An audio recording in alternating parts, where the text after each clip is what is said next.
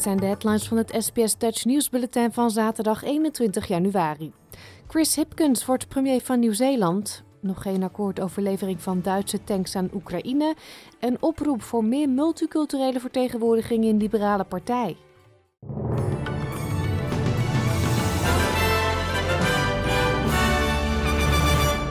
Chris Hipkins wordt de nieuwe premier van Nieuw-Zeeland. Hij heeft zich als enige kandidaat gesteld voor het leiderschap van de Sociaaldemocraten. De 44-jarige Hipkins is nu minister en heeft onderwijs en de politie in zijn portefeuille. Morgenmiddag wordt hij officieel benoemd als leider van de partij en niet veel later beëdigd als premier. Chris Hipkins volgt Jacinda Ardern op, die eerder deze week iedereen verraste door haar ontslag aan te kondigen. Ze zei dat ze na vijf en een half jaar als premier niet genoeg energie meer heeft om haar functie goed uit te kunnen voeren.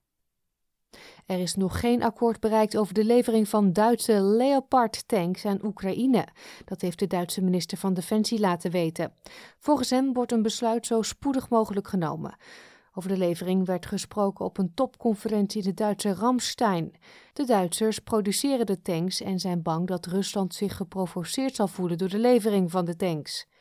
De Verenigde Staten hebben er bij landen op aangedrongen om meer te doen om Oekraïne te helpen en zeggen dat Rusland op het punt staat zijn inspanningen in de oorlog op te voeren.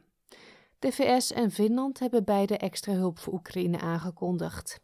Het hoofd van het militaire comité van de NAVO, de Nederlandse admiraal Rob Bauer, zegt dat het misschien te duur is om Oekraïne te helpen, maar dat niet helpen nog erger zou zijn. Giving away stuff now costs money. Will lead to taking a certain risk. But the costs for all of us will be much, much higher if Russia wins the war in Ukraine. De Verenigde Staten hebben een foto vrijgegeven van wat volgens hen een wapentransport is van Noord-Korea naar een bedrijf dat Rusland helpt met zijn oorlog in Oekraïne. Amerika beweerde vorige maand voor het eerst dat de Wagner-groep, eigendom van Yevgeny Prigozhin, een vriend van de Russische president Vladimir Poetin, wapens uit Noord-Korea had ontvangen. De foto laat volgens de VS vijf Russische treinwagons zien die tussen Rusland en Noord-Korea reizen. De woordvoerder van de Amerikaanse National Security, John Kirby, zegt dat Wagner zijn rol om Rusland in Oekraïne te helpen escaleert en daarvoor gewetenloze methoden gebruikt. We continue to assess that Wagner currently has approximately 50,000 personnel deployed to Ukraine, including 10,000 contractors and 40,000 convicts. Our information indicates the Russian Defense Ministry has reservations about Wagner's recruitment methods. Despite this, we assess that it is likely that Wagner will continue to recruit right out of Russian prisons. Zowel Noord-Korea als Wagner ontkennen dat de wapenverzending heeft plaatsgevonden. De VS hebben alsnog besloten Wagner extra sancties op te leggen. Een hooggeplaatst lid van de Federale Liberale Partij zal vandaag zijn vernietigend oordeel geven over de reden waarom de partij vorig jaar de federale verkiezingen verloren heeft. Een van die redenen zou zijn dat ze meer mensen met een multiculturele achtergrond nodig heeft. Gillian Laser, de woordvoerder van de oppositie voor Indigenous Australiërs, zal spreken tijdens een landelijke bijeenkomst van de jonge liberals.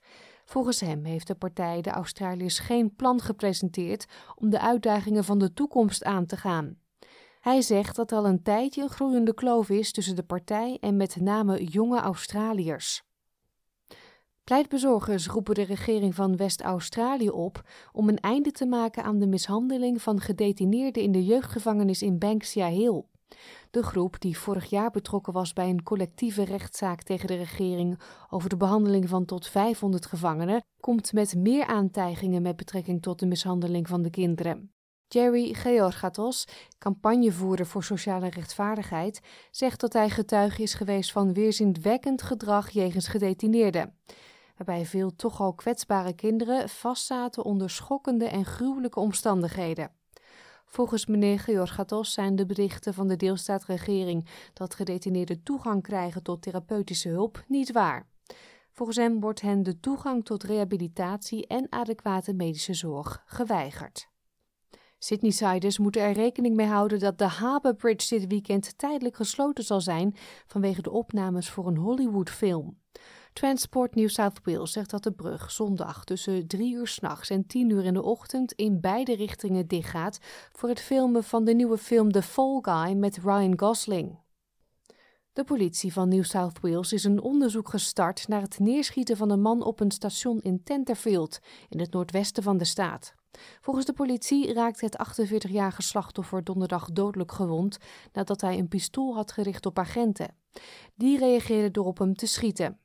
Stephen Eggington, de waarnemend commandant van de westelijke regio, zegt dat het onderzoek naar de schietpartij al aan de gang is. There's a critical incident investigation in regards to this matter that's being led by the homicide squad, who are here at the moment. Um, that will be overseen by uh, the Law Enforcement and Conduct Commission um, and the, uh, the, New South Wales coroner. Um, so, whilst that investigation is underway, we, we can't really provide too much in the way of detail. It'll be fleshed out through those processes in due course. De politiecommissaris van Queensland heeft haar excuses aangeboden voor de historische mishandeling van de LGBTIQ-gemeenschappen door de politie. Catharina Carroll bood de excuses gisteren aan tijdens een privébijeenkomst die werd bijgewoond door politieagenten die deel uitmaakten van de gemeenschap, evenals leiders van Brisbane Pride, die hadden opgeroepen tot de excuses. Seks met wederzijds goedvinden tussen mannen was tot 1991 illegaal in de staat. Meer dan 400 mensen werden hiervoor aangeklaagd. Duizenden mensen, onder wie agenten, hebben aangifte gedaan van discriminatie vanwege hun seksuele geaardheid. Er is een regenboogvlag gehezen buiten het politiebureau van Brisbane als erkenning voor de mishandeling. De Britse premier Rishi Sunak heeft een boete gekregen voor het niet dragen van zijn gordel in een rijdende auto. Dat gebeurde toen hij een filmpje opnam voor sociale media. Sunak noemt zijn actie een inschattingsfout. Het is voor de premier zijn tweede boete in korte tijd. Vorig jaar kreeg hij, net als zijn voorganger premier Boris Johnson, een boete wegens het overtreden van de COVID-19 lockdown-regels. De wisselkoers dan. Voor 1 Australische dollar krijgt u 64 eurocent en 1 euro is op dit moment 1,56 dollar waard.